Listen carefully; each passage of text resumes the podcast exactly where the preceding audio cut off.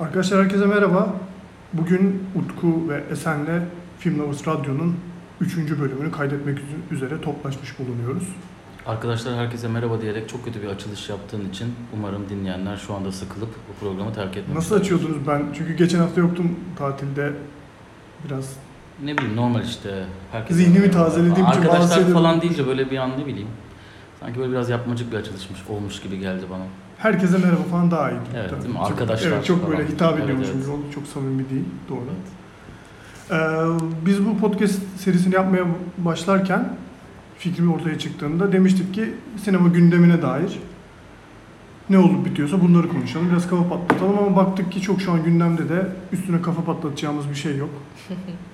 Bir de aslında bu bugün konuşacağımız konu Aslında e, her daim Her, gündem her ben de oraya bağlayacaktım tam olarak. olan bir durum.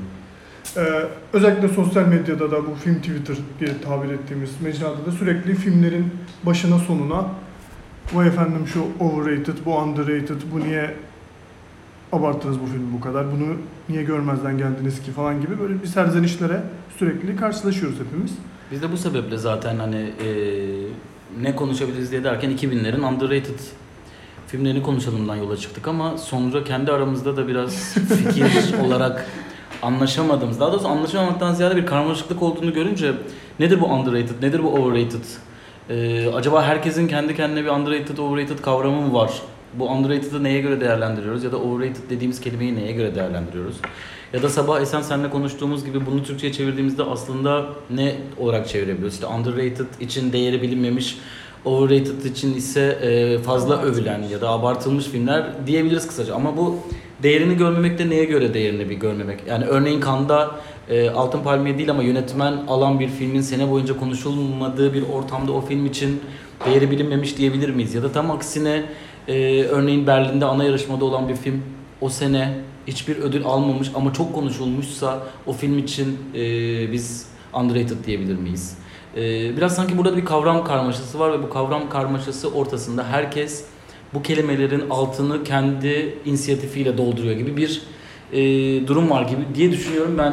E, belki biraz önce bunu konuşup ondan sonra 2000'lerin bize göre e, değeri bilinmemiş filmlerini konuşabiliriz. Bugünkü podcast'te bunu kısa tutarız. Yarınki e, bir sonraki yapacağımız podcast'te de belki bu sefer abartılanları konuşabiliriz diye düşünüyorum. Siz ne demek istersiniz bu underrated overrated kavramı ile ilgili özellikle sosyal medyada bu kadar çok konuşulan bir kavram olmasıyla da ilgili de konuşabiliriz belki de. Bence bugün e, overrated'ı zaten bir şekilde konuşacağız. Çünkü underrated olarak mimlediğimiz filmlerimiz bazılarımız için yani bu üç kişi nezdinde konuşacaksak eğer e, başkaları için de aslında overrated oluyor. Yani Kendi benim aramızda bunu konuşurken de evet senin aynen. underrated dediğim bir, bir filmi Utku ile benim Evet. overrated bulmamız gibi Ya da tam tersi mesela sizin birbirine kılıçların çekildiği bir e, konu bu. O yüzden de bence her türlü zaten e, bu meseleye bir işte bu bunun aslında son derece bireysel bir şey olduğuna varacakmış gibi bir hisse kapılıyorum ben ne zaman bu konu bir şekilde açılsa. Baya baya film zevki gibi e, bu da son derece şey ilerleyen bir şey. Ama yine de aslında sanki bir argümanımız olmalı diye düşünüyorum herhangi bir Evet. filmi underrated göstermek için. Belki de filmler üzerinden konuşup neden underrated olarak düşündüğümüzü ve bunun underrated olup olmaması üzerinden de e, bu konuyu tartışabiliriz diye düşünüyorum. E, kim başlamak ister? İlk 2000'lerden bir tane underrated filmi konuşmaya başlayalım mesela bize öyle gelen. Evet ikiniz de şu anda sizin görmediğiniz şekilde bana bakıyorlar. O yüzden ben başlıyorum. E, İstiyorsan canlandırmak için arkadaşlar şu Evet. şekilde oturuyoruz. Bir masa var, büyük bir masa. Masanın bir tarafında Güvenç Aksüren var, diğer tarafında Esen Tam ve Utku Ögetürk var. Biz Esen'le aramızda Masanın yaklaşık 10 rengi yeşil. santim var. Masanın e, rengi yeşil, Güvenç'in üzerine gri bir gömlek var. Bütün bu gereksiz detaylardan sonra artık gri gömleği çok övgü aldı bugün. güzel, Evet. yakış- yakışıklı olmuşsun her zamanki gibi. Arkadaşlar Instagram'a Güvenç Aksüren yazarsanız mükemmel Instagram hesabından kendisinin nedenli yakışıklı bir insan olduğunu görebilirsiniz. Evet. Beni o zaten zaman- tanıyorsunuzdur diye tahmin ettiğim için e, önermiyorum. E seni zaten yolda yürüyen her o üç insandan biri tanıyor çünkü 30 bin takipçisi 30 bin takipçisi var ve bu 30 bin Abartılmış bir şey bu tamamen yanlış yönlendirmeyle evet öyle bir şey durum var ama tamam ben direkt filme giriyorum. Mesela Esen'in Instagram Ya. hesabının 30 bin takipçi olması biraz overrated geliyor bana açıkçası. çünkü o hesap bunu hak etmiyor. Bir- ama Güvenç'in 500 takipçisi ise underrated. Çünkü Güvenç'in hesabı daha Mesela fazla. başka bir yerden baktığımızda başka bir evrenden baktığımızda da benim hesabım belki de underrated aslında 5 milyon takipçide kaldıramıyor galiba. Ay, kesinlikle, Kaldırmaz ya. kesinlikle olmadığını e, anladığımız bir Evet, durumdan bu demek sonra. oluyor ki aslında herkesin ortak noktada buluşabildiği bir şey var yani. Evet, bu filmler nezdinde de galiba bunu sağlayacağız. Bazı filmlerimiz herkes için overrated, herkes için underrated olabilir. İsterseniz 2000'ler demişken benim gerçekten e, underrated bulduğum bir film. Hatta e, Amerika'da özellikle çok fazla gömülmesiyle ki kendi sonra kariyerini yokuş aşağı götürerek e, biraz kendi kuyusunu kendi yazmış bir yönetmen. Shyamalan'ın Lady in the Water filminden bahsedebiliriz. E, Lady in the Water bana göre e, Shyamalan filmografisinde e, Shyamalan'ı bir otel olarak kabul edebiliriz diye düşünüyorum ben. Çünkü sineması her zaman kendine has dokunuşlarıyla ve bir filmi gördüğümüz zaman bu Shyamalan filmi diyebileceğimiz spesifik özelliklere sahip diye düşünüyorum. Lady in the Water'da Shyamalan'ın klasik filmlerinde kullandığı birçok faktörü kullandığı bir film. Ve e, Lady in the Water'ı çekerken Shyamalan bana göre kendini çok ciddiye alan bir film çekmek gibi derdinde değil.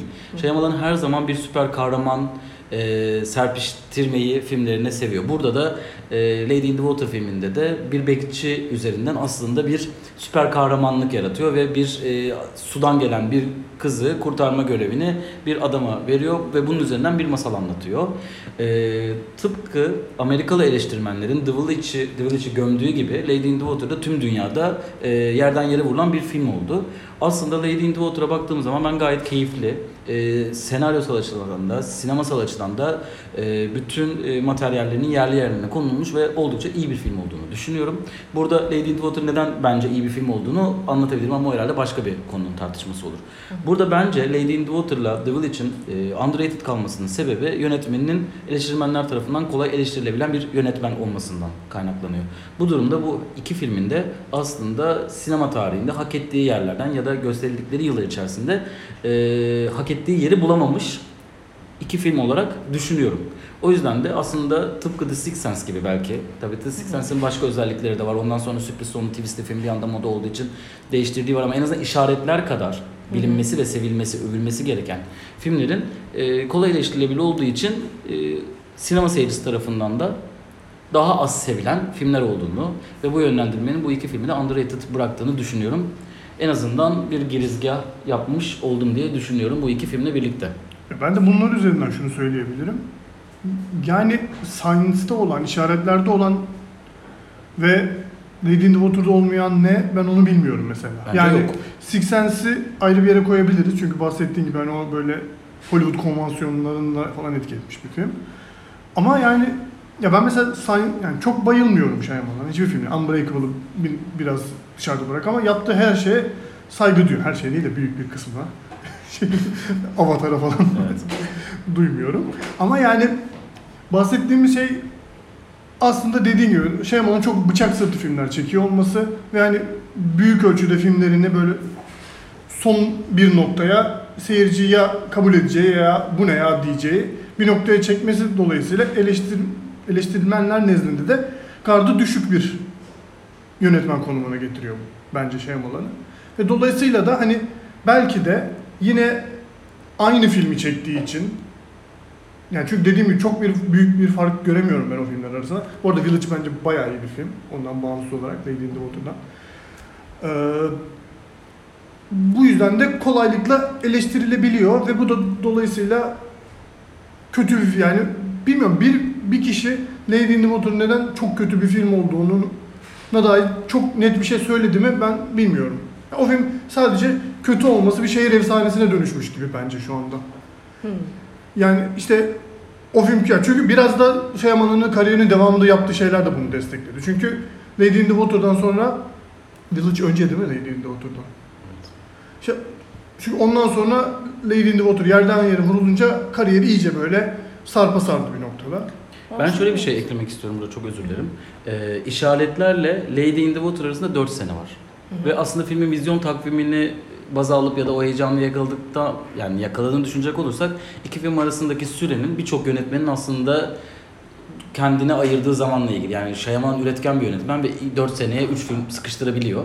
Ee, ben IMDb'den baktığım zaman bu underrated kavramı için konuşacak olursak ee, örneğin şu anda bir yandan açıyorum. İşaretler filmini IMDb'de 318 bin kişi ee, şey yapmış, oylamış.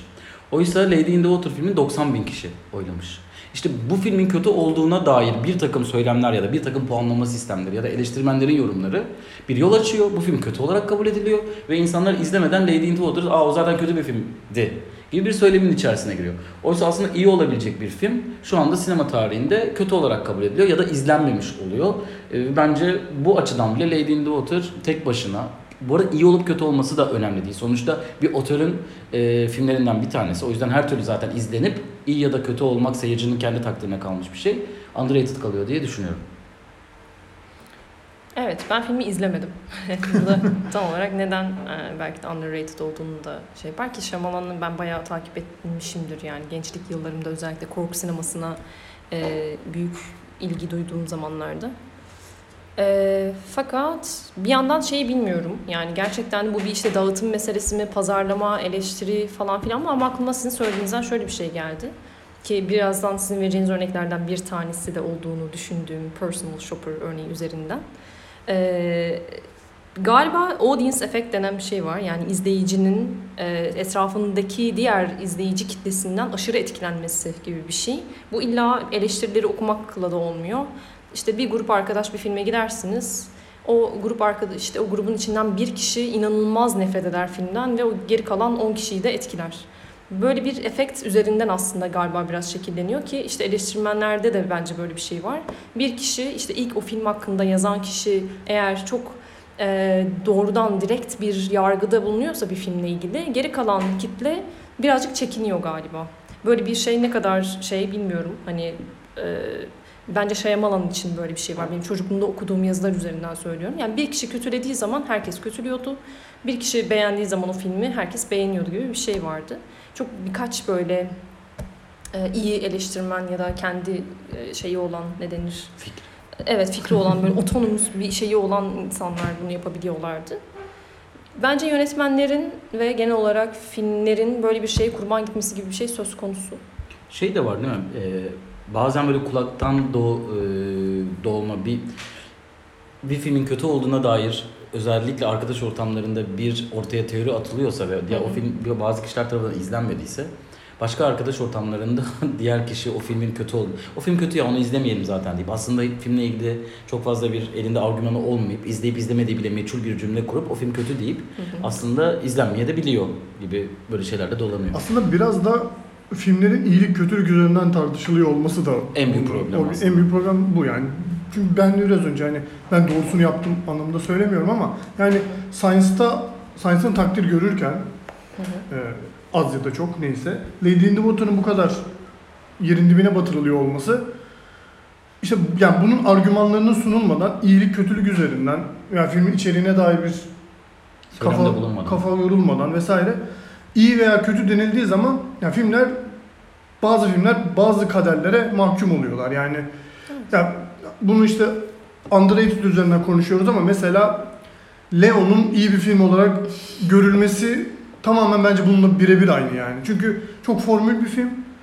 Yani özellikle genç bir yaştayken izlediğin zaman senin gönlüne dokunabilecek bir film. İçeriğinden bağımsız olarak. Çünkü içeriği ciddi anlamda problemli. Ama Leon bir anda efsaneleşiyor ve o iyidir. İşte sonra Natalie Portman'ın kariyerinin seyridir vesaire gibi et- etkenlerle bir efsaneye dönüşüyor ve Leon iyi oluyor ve Lady in the Water'da neden olduğunu şu an bilmediğim bir şekilde kötü oluyor. Yani dediğim gibi çok iyi bir film olduğunu düşünmemekle birlikte gerçekten underrated bir şey söylenecekse bence Lady in the Water underrated bir film gerçekten. İçimiz, içimiz sinesine underrated olduğunu söyleyebileceğim bir film. Çünkü yani o kadar etrafında öyle bir kötülük şey var ki böyle bir kalkan gibi hani böyle dokunur, dokunursan yanarsa falan gibi bir film yani. Öyle bir imajı var. Peki bu kadar e, Lady in the Water'a ayırdığımız 38 dakikadan sonra e, Lady in the Water en fazla dünyada şey şu an. E, Şu an overrated oldu galiba. Evet. İşte bu kadar ince bir çizgi değil mi underrated overrated İşte. arasında aslında. Bir yani anda- bir anda sosyal medyada 20 kişi konuştuğu zaman biz of ya ne kadar overrated bir film diyebiliyoruz belki de. Ama e, onun konuşulmadığını gördüğümüz zaman biz izleyip Twitter'a girip search'te o filmi arayıp ya bu film hakkında neden kimse konuşmuyor, bu film neden underrated kaldı diyebiliyoruz. Bu da kavramların içinde kadar boş olduğunu gösteren bir belki de örnek diyorum ve kim kendi underrated filmini örneklemek ister. Tamam o zaman ben geliyorum. Türkiye'den bir örnek vereceğim ve çok da severek defalarca izlediğim e, ve neden bu kadar ilgi görmediğini bir türlü anlayamadığım Aslı Özge'nin Köprüdekiler filmini söyleyeceğim. Tamamen film bağlamında konuşuyorum. E, zaten çok genç bir yönetmen. Hani daha önce de başarılı yapımları oldu ama bence hala inanılmaz underrated bir yönetmen olduğunu düşünüyorum. Ve Köprüdekiler bana kalırsa Türkiye üzerine değil sadece evrensel olarak da çok çok çok kıymetli bir film. Fakat underrated. Yani kimse bilmiyor, kimse izlememiş oluyor genellikle. Yani kendi çevremizden böyle küçük bir grup dışında genel olarak çok fazla tartışılmamış oluyor. Ee, sizin fikirlerinizle filmi tartışmak isterseniz. Ben, benim söyleyeceklerim bu kadar. underrated değil. Belki 3 yani 2 3 tane soruyla bunu biraz şey yapabiliriz. Birinci sorum şu. e, Aslı Özge jenerasyonunda, Hı hı. e, Aslı Özge standartlarında olup Aslı Özge'den çok daha bilinen yönetmenlerimiz var mı?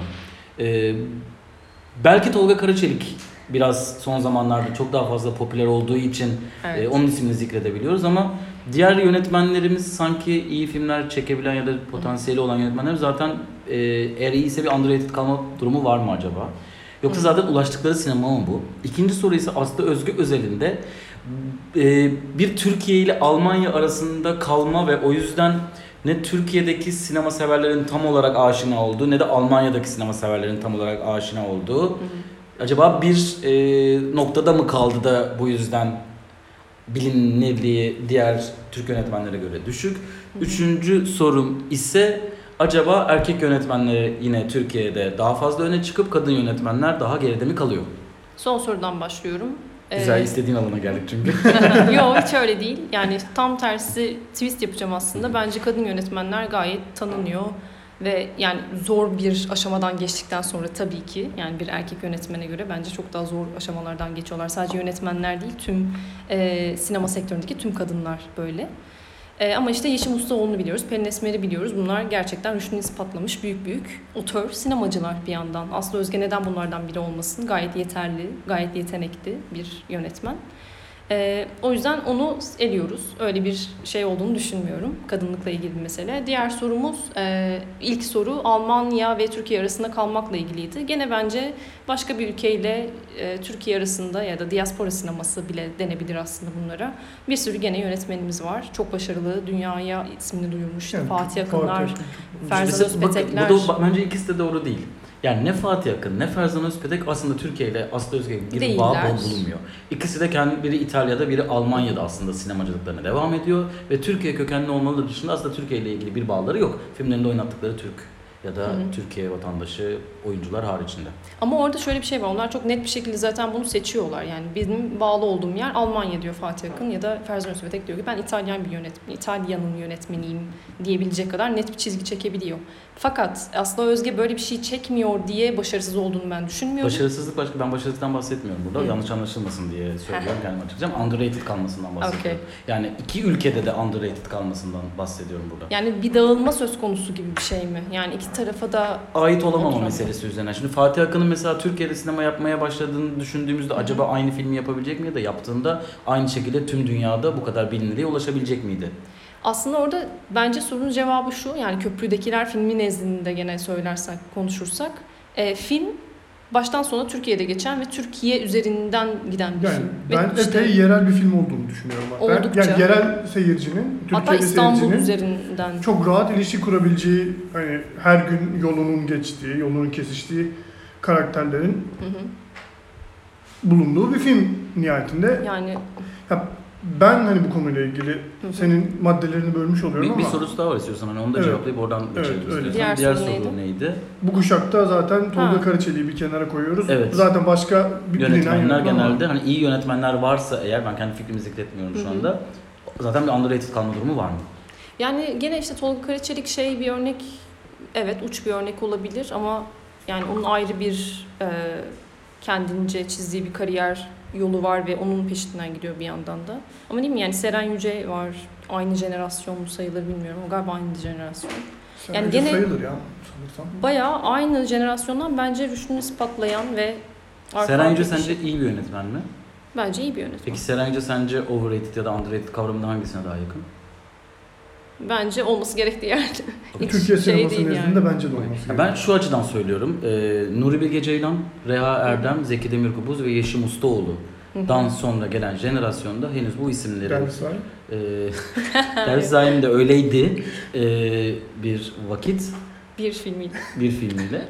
E, şu anda alttan gelen yönetmenlerin Tolga Karacalik dışında böyle bir bilindikleri olduğunu düşünmüyorum ben. Onur Ünlü var ama o çok başka bir nokta. O ama evet o, O yani sanki- jenerasyonlar dışı. Evet o kümeler kümeler Evet, dışı. yani bir onu, onu ayrı koyuyorum. Ya, ben zaten bununla ilgili hani bir kapsamlı bir şey yazmayı da düşünüyorum. Bu bahsettiğimiz jenerasyonun jenerasyondan sonraki yönetmenlerin, bunda Seren Yüce'yi, ya aklıma gelenleri söylüyorum sa- Tamam. sadece. Ee, Aslı Özge'yi ve bir takım bazı yönetmenleri kenara koyarak çok ciddi bir sinemayı algılama ile ilgili bir problem olduğunu düşünüyorum. Çünkü önceki yönetmenlerin, yani kendilerine ön yaşça daha büyük olan yönetmenlerin filmlerin kopyalarını çekmeye çalıştıklarını düşünüyorum. Bunu açıkça bu şekilde ifade etmekte artık bir his görmüyorum. Çünkü gerçekten bu can sıkıcı olmaya başladı. Özellikle bir sinema izleyicisi olarak benim açımdan. Ee, fakat bu filmler yapılıyor olmasından dolayı, bu arada Emre Erdoğdu'yu, Emre Eksen'i falan onları da bir kenara ayırıyorum yani şu an. Hani Ama daha da yeni. Aklıma geldiği için işte Ceylan'ı, Ceylan'ı zaten şöyle bir şey oldu sanki yani Nuri Bilge Ceylanlardan sonra onları örnek alan bir nesil ve kaldılar yerlerinde. Onun dışında şey oldu. Ve ama hala yeni Şimdi- nesilde de bunu devam ettiren Onlar da var. olmuyor ama devam Olmuyor. edenler sanki zaten Ama diğer- işte Türkiye sineması diye bir şey oluşuyor ister istemez bu filmler yapılmaya devam edildikçe. Ve e, köprüdekilere bağlılarsak bu filmlerde hiçbir noktada bir ortak noktası olmayan bir film köprüdekiler. Evet. Bir doküdramadan bahsediyoruz. Türkiye'de zaten belgesel diye bir şey yapılmıyor. Doküdrama zaten yapılmıyor.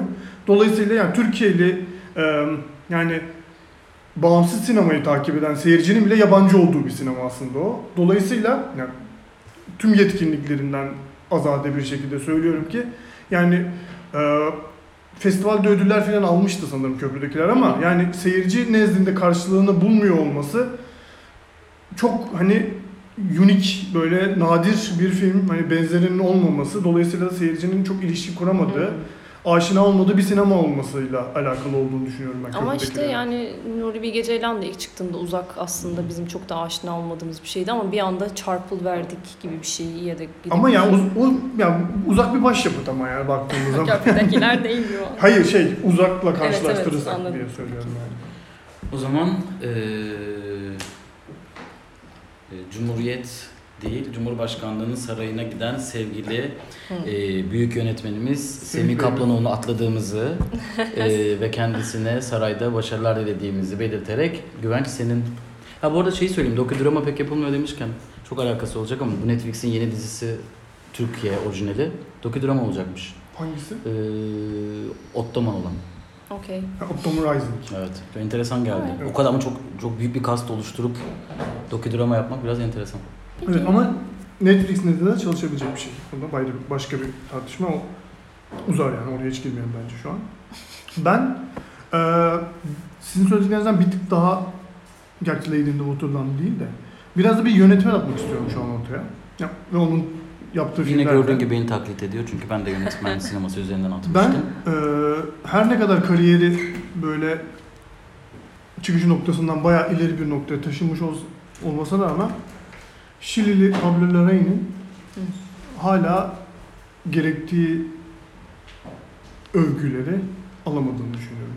Çünkü e, yaptığı sinema bence ım, çıktı yani başlangıç noktasından bahsediyorum. E, yaptığı ül yani filmlerini ürettiği ülkenin tarihiyle doğrudan bağlantılı oldu ve tüm biçimsel tercihlerini de bunun üzerinden şekillendirdi. Ondan sonra bu sinemaya dair hiçbir taviz vermeden e, Hollywood'a gitti. Başrolünde Natalie Portman gibi bir A klas bir aktristin oynadığı bir First Lady biopic çekti. Jackie'den bahsediyorum anladığınız üzere. Bu arada bence aynı sene çektiği diğer biyografi Neruda bir modern başyapıt. Yani anlatı şeyini yani klasik bir biyografi anlatılarını tamamen elinin tersiyle itip bambaşka bir şey kuruyor ki özellikle edebiyatçı biyografilerin ne kadar böyle tek tipleştiğini düşünürsek. Yani hem bir dışarıdan bir göz. Hem Nerudo'yu takip eden bir göz hem de Nerudo'nun kendisi ve Nerudo'nun yazdıkları üzerinden böyle dört katmanlı neredeyse. Çok görkemli bir şey ortaya atıyordu Hı hı. Nerudo'da. Bu benim hani son yıllarda gördüğüm en yeni şeylerden biriydi sinemada. Müthiş etkilenmiştim. Bir yandan da müthiş bir polisiye filmdi. O, o takip olayından. Jackie'de de e, tamamen erkeklik üzerine kurulmuş tüm dinamikleri bunun üzerinden çalışan bir şeyden, bir Amerika Hikaye. devletinden, kurumda e, müthiş bir kadın hikayesi çıkarırken bir yandan da bu bahsettiğim kariyerinin başında e, kurduğu o anlattığı hikayenin e, coğrafi ve sosyal bağlantılarından hiçbir şekilde taviz vermeden bir Şilin yönetmenin Amerika'ya dair bu kadar iyi bir film yapabilmiş olmasını gerçekten yani hayret verici buluyorum açıkçası ve yani sadece işte iyi filmler olarak an- yani mesela underrated mı işte buradan aslında tartışmaya giriyorum. Çünkü Jackie övüldü. Evet. Oscar adaylıkları kazandı birkaç dalda hatırladığım kadarıyla ve Altın Küre adaylıkları kazandı. Ama hala bence yani o filmler üzerinde övü yani Jackie övülüyor ama Christopher Nolan olamadı. yani evet şey değil yani e, nasıl diyeyim bir yönetmen olarak görünmüyor hala Jackie'yi çekmiş kişi gibi yani. Çünkü Amerika'ya onunla geçiş yapmasından bahsediyorum. Yani underrated'lık bence ya benim underrated'lık tanımım biraz da böyle açıkçası. Hı hı. Hak ettiği yani değer görmüş olsa bile hak ettiği değeri görmemekle alakalı. Ben size attığım listede de bunu paylaşmıştım. Sonra üzerine de biraz konuşmuştuk. Ya filmler övülüyor okey ama yani neden övüldüğüne dair yani bu film yeni ne yaptı, ortaya ne koydu bu yönetmen bu filmleriyle. Bunlar tartışmadan Jackie iyi bir film mi? Evet iyi, me falan gibi tartışılıp geçiliyor gibi düşünüyorum. Yani, ben, yani belki bu filmler üzerinden değil ama benim ortaya attığım underrated tanımına dair söyleyecekleriniz vardır diye Yani aslında ben bu yönetmenin nezdinde bir tek şeyi söyleyebilirim. Yani evet Hollywood'a ilk kez giriyorsa bir yönetmen şeyi göze almalı. Ee, yönetmenlik vasfını bir ikinci plana koyup işte yani film Natalie Portman'la anılıyor ya da hikayesi bazından Jackie Kennedy üzerinden anılıyor. Yani bunu zaten e, şu anda mesela Hollywood'da en böyle şahşahayla karşılanan e, Guillermo del Toro'lar, Alfonso Cuarón'lar bile ilk girdiklerinde böyle girmişlerdi oyuna gibi bir şey. Yani Hollywood zaten bunu yapıyor her türlü. O ismi bir şekilde baskı altına alıyor. E, çünkü orada bir yönetmeni atamak gibi bir şey var neredeyse. Böyle bir hikaye var, sen gelip bunu çeker misin gibi bir şey. Böyle bir senaryo, böyle bir proje var. Sen gelip bunu çeker misin gibi bir şey neredeyse. Yani hatta öyle bir durumda şey bile görebiliriz. Overrated gibi bir şey bile görebiliriz. Çünkü kendi sineması nezdinde e, beğenmişler ki yani belli bir şeyi standardı tutturduğunu düşünmüşler ki akademik e, şey akademik diyorum yani Oscar akademi bir şekilde gel işte biz sana bu şeyi verelim görevi verelim ve sen artık gel burada film çek falan gibi bir şey yani öyle bir üst taraftan konuşmaktan bahsediyorum onu kabul etmişler gibi neredeyse. Yani katılıyorum dediğin şeye. Hı hı. Ama ben işte aslında underrated, underrated kalmasının da tam bununla ilgili olduğunu akademi yani şey Hollywood sektörü, o endüstri ona bu memuriyeti reva görürken onun hala bence ilk filmlerinde yaptığı sinemadan hiç taviz vermeden bunu yapmış olmasını aslında yani aslında bu tercih benim underrated gördüğüm şey. Anladım evet o zaman okey. Ben biraz Rüzgar'ın yönünü değiştireyim. Bu kadar e, sıkıcı isimlerden daha e, heyecanlı bir şeye geçişim kendi kendi açımdan. E, Esen'in çok e, tartışmaya katılacak mı bilmediğim bir filmden gireceğim. Evet. Aslında biraz şöyle, e, bunu bu, bu filmi seçmemin sebebi e, son zamanlarda aslında çizgi roman uyarlamalarının inanılmaz bir noktada olması ve sinema severlere en sevdiğin çizgi roman uyarlaması dediğin zaman işte Dark Knight, Avengers'ın herhangi bir filmi, özellikle yine Marvel'ın filmlerinden e, Winter Soldier e, ve benzeri birçok film zikredilirken sadece sinefil tayfası diyebileceğimiz e, kişiler tarafından yer yer zikredilen Watchmen e, filminden bahsetmek istiyorum. E, Watchmen benim için en azından e, Dark Knight'la birlikte e, en iyi çizgi roman uyarlamalarından biri 2000'den kimlerden bahsediyorum yoksa Tim Burton'un uyarlamalarına falan dönmüyorum şu anda. E, fakat gelin görün ki kimsenin ben Watchmen ismini zikrettiğini ya da bu işte çizgi roman uyarlamaları, sıralamaları falan yapıldığı zaman internet sitelerinde Watchmen ismini görmüyorum. Oysa Man of Steel'i e, Zack Snyder'a çektirmelerinin sebebi Watchmen'dir. Yani Watchmen'de yarattığı dünya ve başarı e, akabinde kendisine Man of Steel'i çektirmiştir. E, o yüzden e, bu filmin bu kadar geri planda kalmasını e, ve bu denli gözden e, görülmemesini açıkçası yadırgıyorum ve underrated bir filmden bahsedeceksek özellikle çizgi roman uyarlamalarınızda bahsedeceksek Watchmen'i şlak diye yapıştırırım. Buyurun. Ben bu konuda şeyim tamam. Başka bir filmle. Bir çok küçük bir argüman sunacağım bununla ilgili. 2009 yapımı Watchmen 450 bin kişi tarafından oylanmış yine IMDb'de. 2012 yapımı yani aralarında sadece 3 sene olan Avengers filminin ilki 1 milyon 200 bin. Yani 3 katından Evet. neredeyse bahsediyoruz. Yani Watchmen'le ilgili dediklerine katılıyorum. Bu arada muhtemelen HBO'nun dizisiyle yeni, böyle bir yeniden konuşulacaktır. O oylama puanı artar biraz. Oylama sırası ama 3000 arttı. ya bence Watchmen'in yani problemi Görüşürüz. Biralar için teşekkür ederiz. E, ofiste olduğumuz için böyle biraz sessiz kalmaya çalışıyoruz ama gerek yok. Görüşürüz. Görüşürüz. Hoşçakalın. Bay bay. ya Watchmen'in yani başarısız değil hani az biliniyor olma sebebi aslında uyarlı Sensin başarısız. Ya uya hayır yapma yanlış söyledim.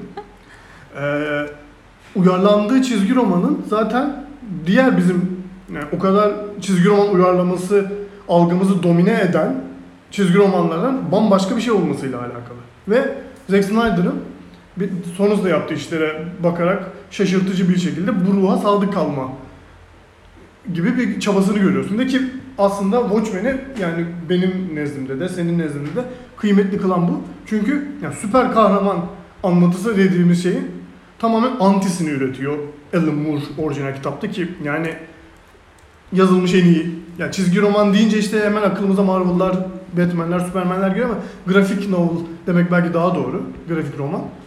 Yani dolayısıyla Alan Moore'un o metni o kadar iyi ki ama bir o kadar da o kadar çizgi roman değil ki ve aslında o kadar da sinemaya aktarılması zor ki yani bence bu arada yine kayıplar var orijinal metnin sinemaya aktarılmasında ama çünkü gerçekten neredeyse filmi çekilemeyecek gibi bir şey. Orijinal romandan bahsediyorum. Ya dolayısıyla çizgi roman uyarlamaları içinde olmamasını anlıyorum. Çünkü onların ya bence üzerinde bir şey. Watchmen hem diğer çizgi romanlarla Yani işte Marvel'larla, Spider-Man'lerle, Avengers'larla karşılaşıyorum. Hem yani ortaya attığı fikirler vesaire her şey yani tamamen mü- mükemmel bir soğuk savaş anlatısı Watchmen. Ve yani dolayısıyla dünyayı ele geçirmeye çalışan bir kötü adamın alt edilmesi hikayelerinden daha az daha az ilişki kurması daha zor bir metin dolayısıyla. Ya ben bununla alakalı olduğunu düşünüyorum Watchmen özelinde konuşacaksak. Ya bu arada yani filmi de bir kenara bırakarak şayet hani romanını okumayan varsa inanılmaz bir şey gerçekten yani. Hayretler içerisinde okuduğum bir şeydi benim. Güvenç'in yani. sözünü kestim çünkü aynı şeyi söyleyip duruyor fark ettiyseniz. Çok seviyorum ben ondan biraz. ben de çok seviyorum. Bu arada bende var. Sende de Var. istiyorsan getirebilirim. E sen sana okumak istersen çizgi roman. istemiyorsun. Güzel. O zaman hadi film söyle. Tamam söylüyorum o zaman. Madem çizgi romandan girdik ve işte farklı bir dünya yaratıyor, işte çizgi romanın ötesinde başka bir şey yaratıyor dediniz. Ben de o zaman Dave McKean'in Mirror Mask filmini söylüyorum. Mirror Mask e, sanıyorum Neil Gaiman hatta senaryosunu Evet, yazıyor. hatırlıyorum.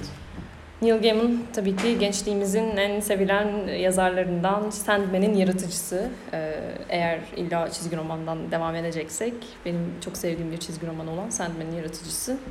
Ee, Dave McKean'le de zaten bir ortaklar o dönemde de. Dave McKean sürekli işte o şeyin e, kitapların e, tasarımını yapıyor. E, sanatsal kısmıyla o ilgileniyor. Sonra işte aradan yıllar geçiyor ve bir film yapmaya başlıyor. Bir film yapmaya karar veriyorlar. O da Mirror Mask. Ee, yani şahane bir film mi, muhteşem ötesi bir film mi bilmiyorum. Ben bayağı genç bir yaşımdayken izlemiştim en son. Ama bence kesinlikle underrated. Çok daha böyle efsanevi olabilir, çok daha fazla kitlelerce e, sahiplenilebilir bir film olması gerektiğini düşünüyorum ki Dave McKean'in de Neil Gaiman'ın da inanılmaz bir şeyi var aslında.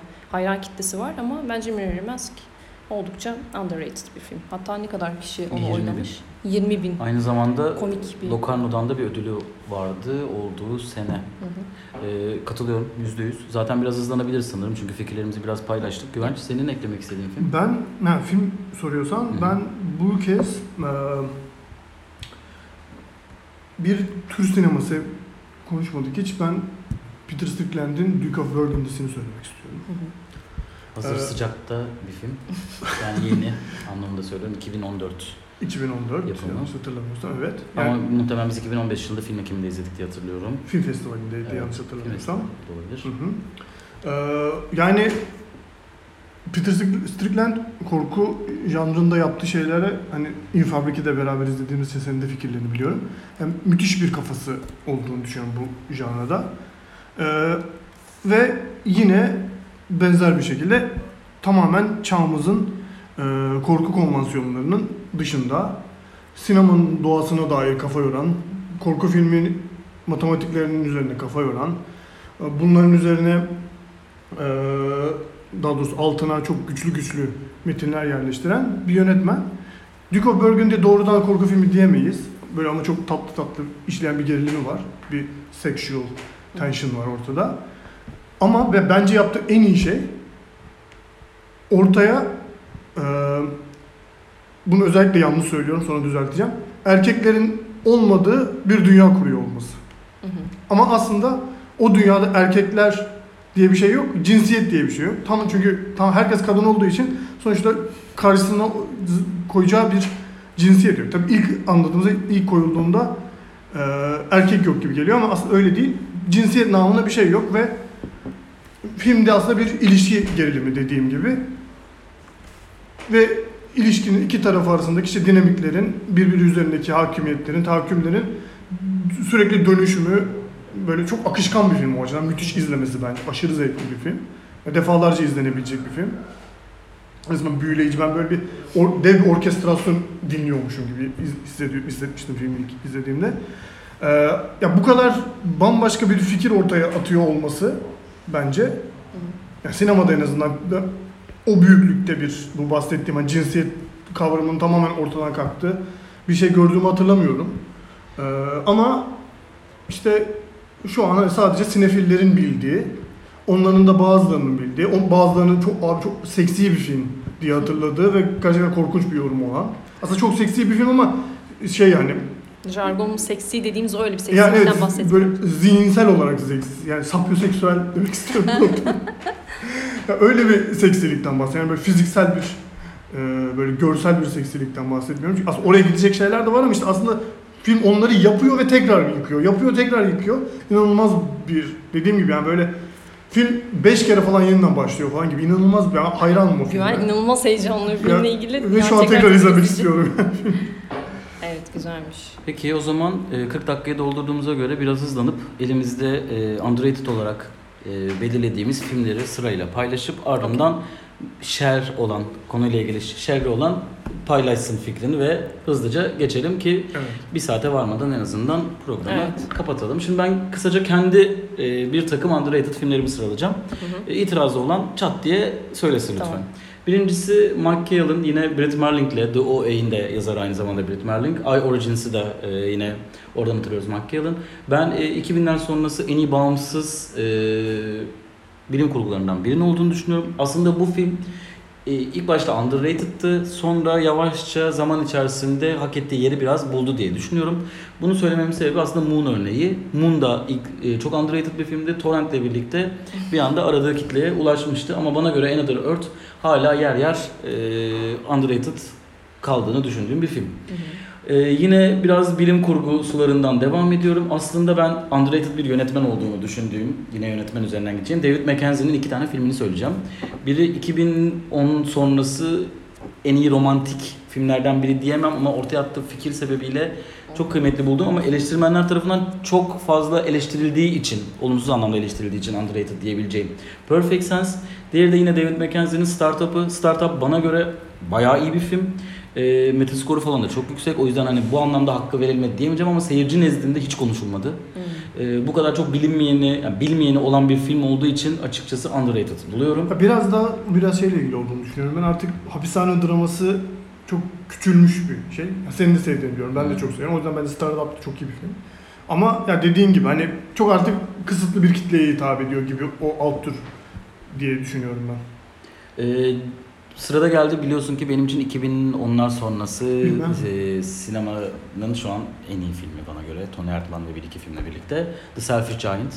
The Selfish Giant, e, Cleo Bernard'ın ilk filmi diye hatırlıyorum ve bir ilk uzun metraja göre ya nasıl böyle bir yönetmenlik dersi verilebilir hayretle izlediğim bir film. Film boyunca hiç müzik kullanımı yok ama e, hiç müzik kullanımı olmadan Çağan Irmak'ın dayadığı müzikle bizi ağlatmaya çalışırken hiç müzik kullanılmadan bu kadar etkileyen, bu kadar duygularını e, değiştirebilen bir film yapabilmek iki çocuk karakter üzerinden bütün İngiltere'nin e, tarihini ve işçi sınıfını bu kadar e, iyi, net bir şekilde anlatabilmek bana gerçekten e, çılgınca geliyor.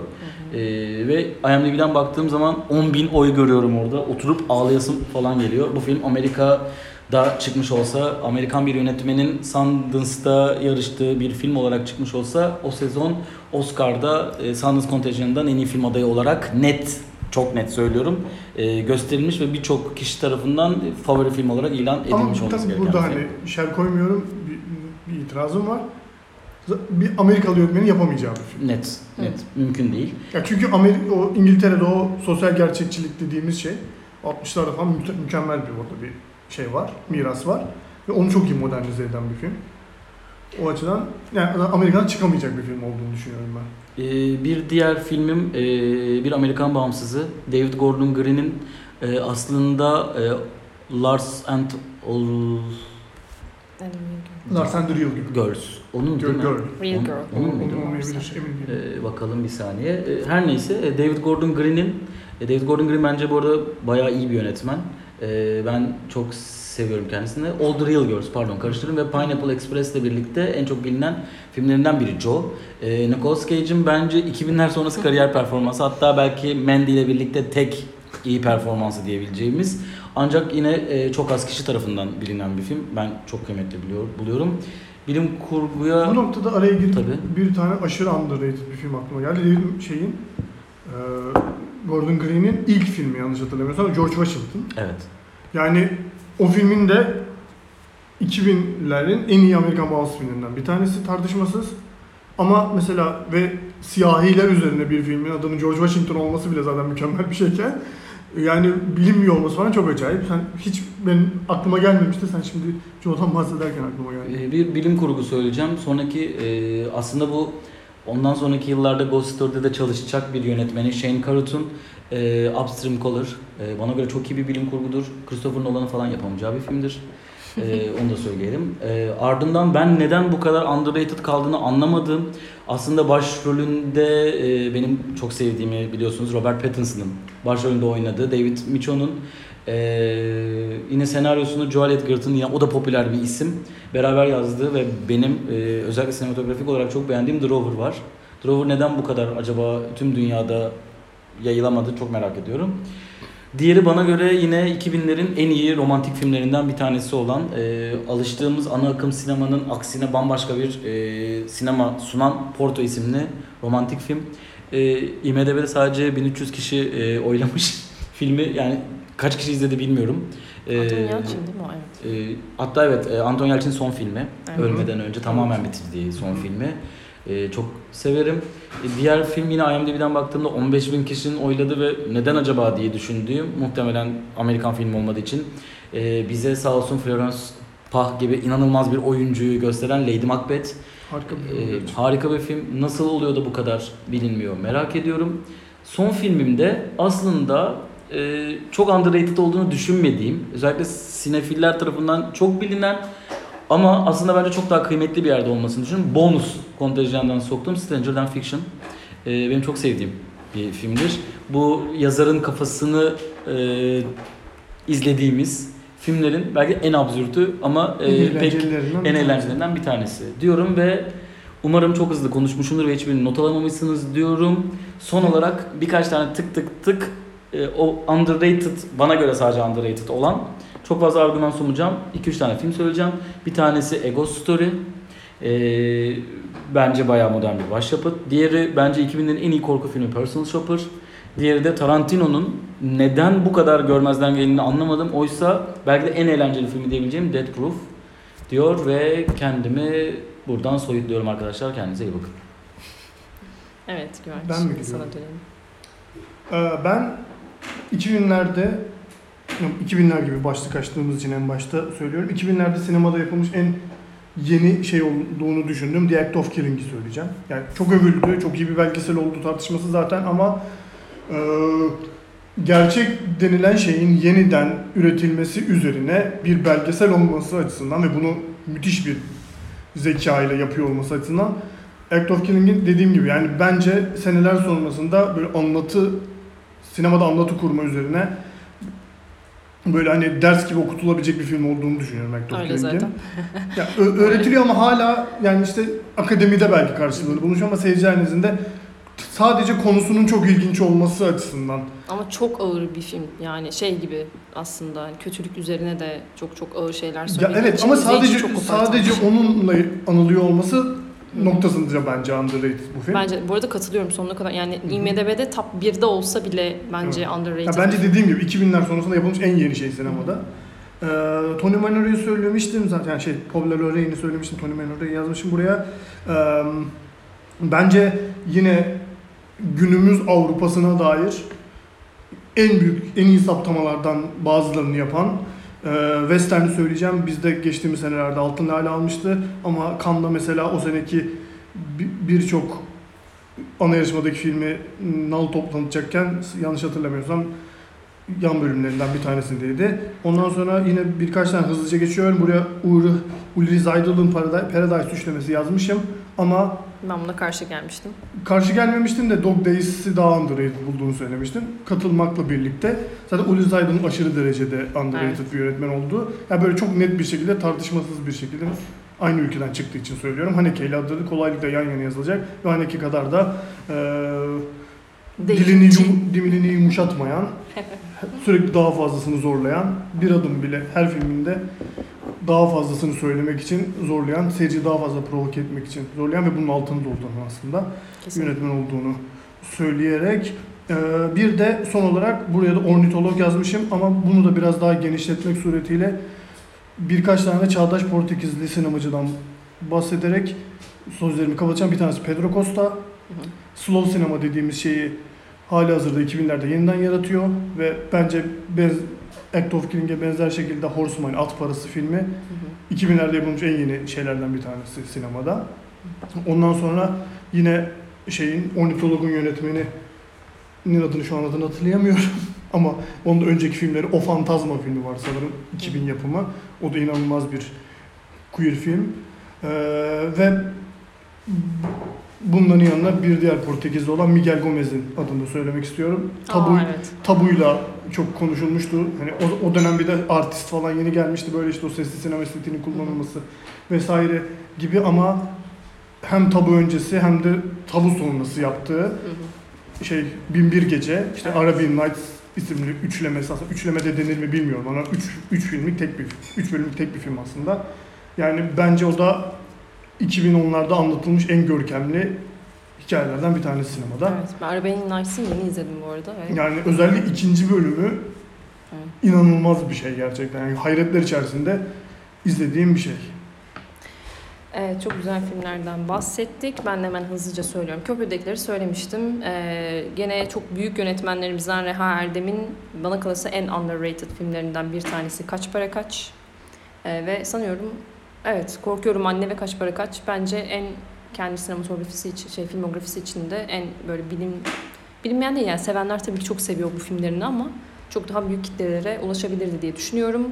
E, Zaydal'ın Dog Days'ini söylemiştim. Bana kalırsa orada underrated olmasının nedenlerinden bir tanesi de e, Lars von Trier gibi böyle Dogma 95 e, şey estetiğini inanılmaz sahiplenip sonuna kadar sömüren yönetmenlerden çok daha önce o estetiğe e, sahip olup bunun ekmeğini yiyememiş olması. E, Tarsem sınıfı ben çok severim. The Cell ve The Fall filmleri üzerinden e, söylemiştim. Bunların inanılmaz underrated Burada olduğunu şer düşünüyorum. koymamız gerekiyor. The Fall kesinlikle underrated bir film değil. Overrated. Aksine overrated bir Ee, The. Fall dünyanın gelmiş geçmiş en iyi filmlerinden bir tanesidir. Burada İki saatlik bir boyama kitabıdır The diyorum ben Fall de. kesinlikle sinema tarihinin gelmiş gelmiş en iyi filmlerinden biri değildir diye düşünüyorum. Bu sinemaya hakarettir deyip artık görüp artırıyorum. Benim şahsi fikrimdir. Birçok yönetmenin şu anda mezarda kemikleri sızlıyor. Sinema tarihinin en önemli filmlerinden biri olduğu için The Fall.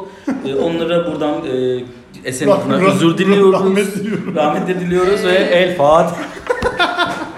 Ee, arkadaşlar kafamız karıştı. İşte audience effect bu. Tam olarak bu. Bir takım insanların birbirlerini etkileyerek o Hayır, çok benim bir bununla film ilgili çok diyerek net argümanlarım var şu an zaman Tamam benim argümanlarım bö- yok bununla ilgili.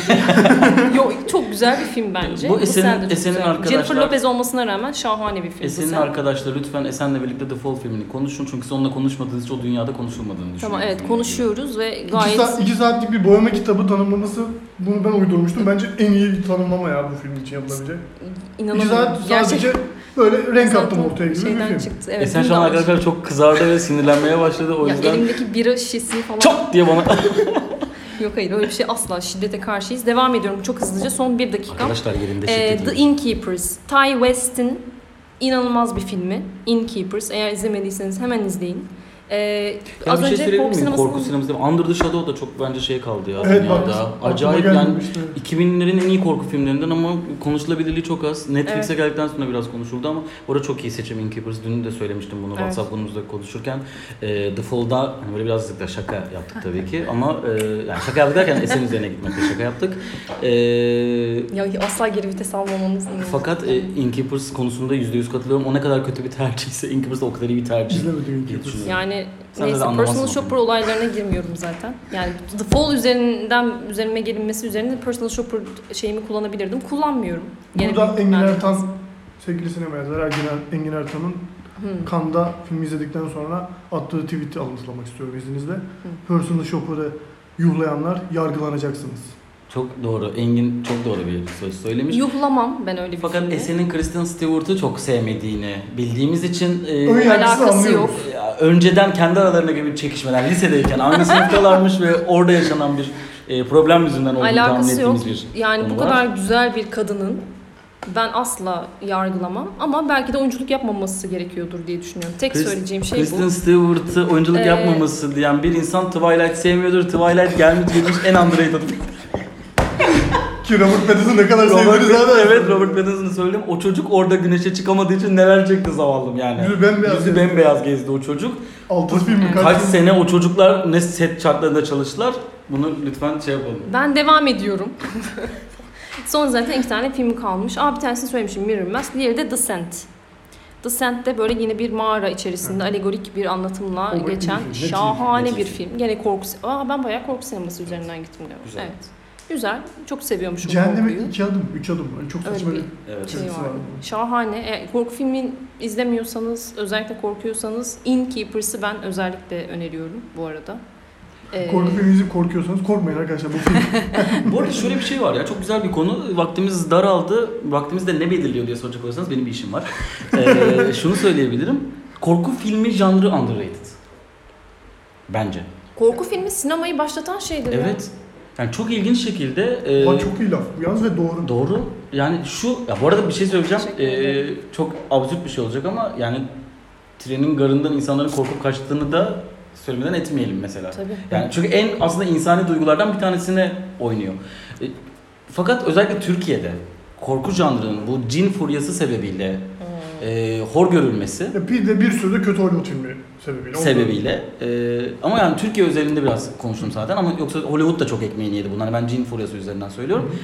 E, korku filminin bir gözden e, ne bileyim işte çok kale alınmama ya da ne bileyim korku filmi abi ne korku filmi izleyeceğiz ya çocuk muyuz biz gibi saçma bir tanımlama içerisinde sokulmuş olması korku filmini underrated yapıyor belki de. Ve ben bir günah çıkarayım burada. Ben de hani böyle sinemaya Bergman izliyorum falan dediğim zamanlarda korku filmi eh, yapan insanlardan birisiydim. Tüm korku, usta, korku ustalarımızdan burada önce sizin sonrasında da dinleyicilerimizin Buradan Romero'ya Romero'ya bir selam. var. Romero. Romero. Ya sinemayı sinema yapan insanlar. Romero'ya, Carpenter'a. Carpenter'a zaten laf söylesen çarpılmışsındır. Carpenter'a bir şey söyleyecektim söylemedim. Ee, güzel. Sonlara doğru biraz açıldık yine. Çünkü o Ö- iğrenç ilk- sıkıcı bir muhabbetten iyi geldik buralara. Çok böyle 15 hardcore bir arta böyle yine çok havalı bir konuşma oldu. İlk Orta bölümde özellikle. Orta bölümde evet. Ee, ya arkadaşlar biz böyleyiz. Biz üçümüz biliyorsunuz geçenlerde biliyorsunuz. Kesin biliyorsunuz. Yani Esen'le Dark'a konuştuk YouTube'da. Dünyanın en sıkıcı kutsal motoru programı. Ama biraz böyleyiz galiba değil mi? Dünya böyle mi bak? Sıkıcı mı bakıyoruz acaba? Sıkıcı, ben öyle olduğunu düşünmüyorum. Ben kendim sıkıcıyım herhalde. O yüzden acayip eğlendiğimi düşünüyorum bu sırada ama tabii e, siz nasıl dinlerken ne işkencelerden geçiyorsunuz onu Ya bilmiyorum. mesela bizi şu an 54 dakika dinleyen biri varsa yani şurada kaldıysa bir kişi ki bence bir Beyazıt kişidir. sinemasından bence bir kişidir. Dört kişilik bilet. Ya lütfen bize mesaj at. otur gel şurada Güvence DM at. Instagram'dan zaten ihtiyacı var. Ee, çünkü çok fazla DM gelmiyor ona üzülüyor biraz bu konuda. Şimdi Şey yapalım yani buluşalım ne bileyim ofisimize gel sen de bir sonraki podcast'e katıl çünkü ben 54 dakikaya gelmezdim arkadaşlar. Ya ben Burak'la Furkan'ı dinliyorum mesela 3 dakika. ben da, senin olduğun programın tamamını dinledim. Ya sen var ya, ben de senin Sezen'le yaptığın programda Sezen'i daha az konuşup seni çok konuştum. ee, ofansif bir takım e, şakalar. Arkadaşlar Esen Film Lovers'ın yeni yazı işleri müdürü biliyorsunuz. Kendisi e, sürekli olarak yeni bir şeyler katıyor. Bu podcast'te onun bize önerdiği ve arkadaşlar podcast yapalım, çağ yakalayalım dediği bir şey. Öyle mi? Kendisine buradan bir kez daha teşekkür ediyorum. Evet. Bir saat bomboş. Ve bomboş. Se- Se- Sezen değil, Esen, Esen underrated arkadaşlar. Esen'e hak ettiği ilgiyi gösterin. Instagram hariç abi. Instagram, Instagram'da olsun ama Twitter'da underrated. Evet, Çok underrated. iyi tweetleri var. Siyasal göndermeleri, Ya politik şu an göndermeleri reklam var. vermişim gibi oldu. Ben bundan şeyim hiç böyle bir Önce- şey konuşmamıştım. Öncesinde bunu söylememiş gibi niye şu an böyle? Esen Tan. Şey mi? Her şey ne o? Tam hesabın ne? Onu da söyle. Esen alttan Tam çizgi hesap ne? Çünkü Esen Tan çok olabilecek bir isim. Yok değil. Esen Tanların Esen, bir şey diyeceğim. Esen Boru reklam Esen Boru mu? Esen Boru var bir tane. Esen Esen, Boru. Boru. markası. Esen Ee, Boru markası Esen buraya Tan'ın bu- bir alakası yok Buraya arkadaşlar. nereye Evet. geldik ya? O ben, benle hiçbir alakası yok. Yani Esen'le artık Güven çok içti arkadaşlar. Ee, bira içiyorlar burada. Ee, tombul Alkol al. şişe. Ee, Alkol al. Ramazan'da yapılmaması gereken bir hareket ama olsun yaptılar. Ee, çok goy goy yaptık sonlara doğru. Kapatıyorum. Metroya yetişeceğim. Kendinize iyi bakın arkadaşlar. Var mı söyleyeceğiniz bir şey? Bilmiyorum bakalım önümüzdeki podcast'ta hangi sıkıcı veya hangi çağ yakalamaya çalışan. Bir şey söyleyeceğim. Yorum yorum bırakılmıyor galiba Spotify'a. Apple'a falan da yükleyeceğiz Tamam, de. bir şeyden bir, bir Twitter'dan yerlere bir şey yazın. Sizce Apple- underrated filmler hangileri falan. Biraz etkileşime girelim. Ben de YouTube'a yükleyelim diye oradan akı aslında bu tarz Aa, ama yok YouTube. YouTube. Ben geri kafalı mıyım? Dinozor muyum ben? E, senin telefonu çalıyor arkadaşlar. E, o yüzden kapatmamız gerekiyor. Evet. Herkese İşimiz çıktı şu an. görüşmek üzere. Hoşçakalın. Teşekkürler bu muhabbeti dinlediğiniz için. Bye bye.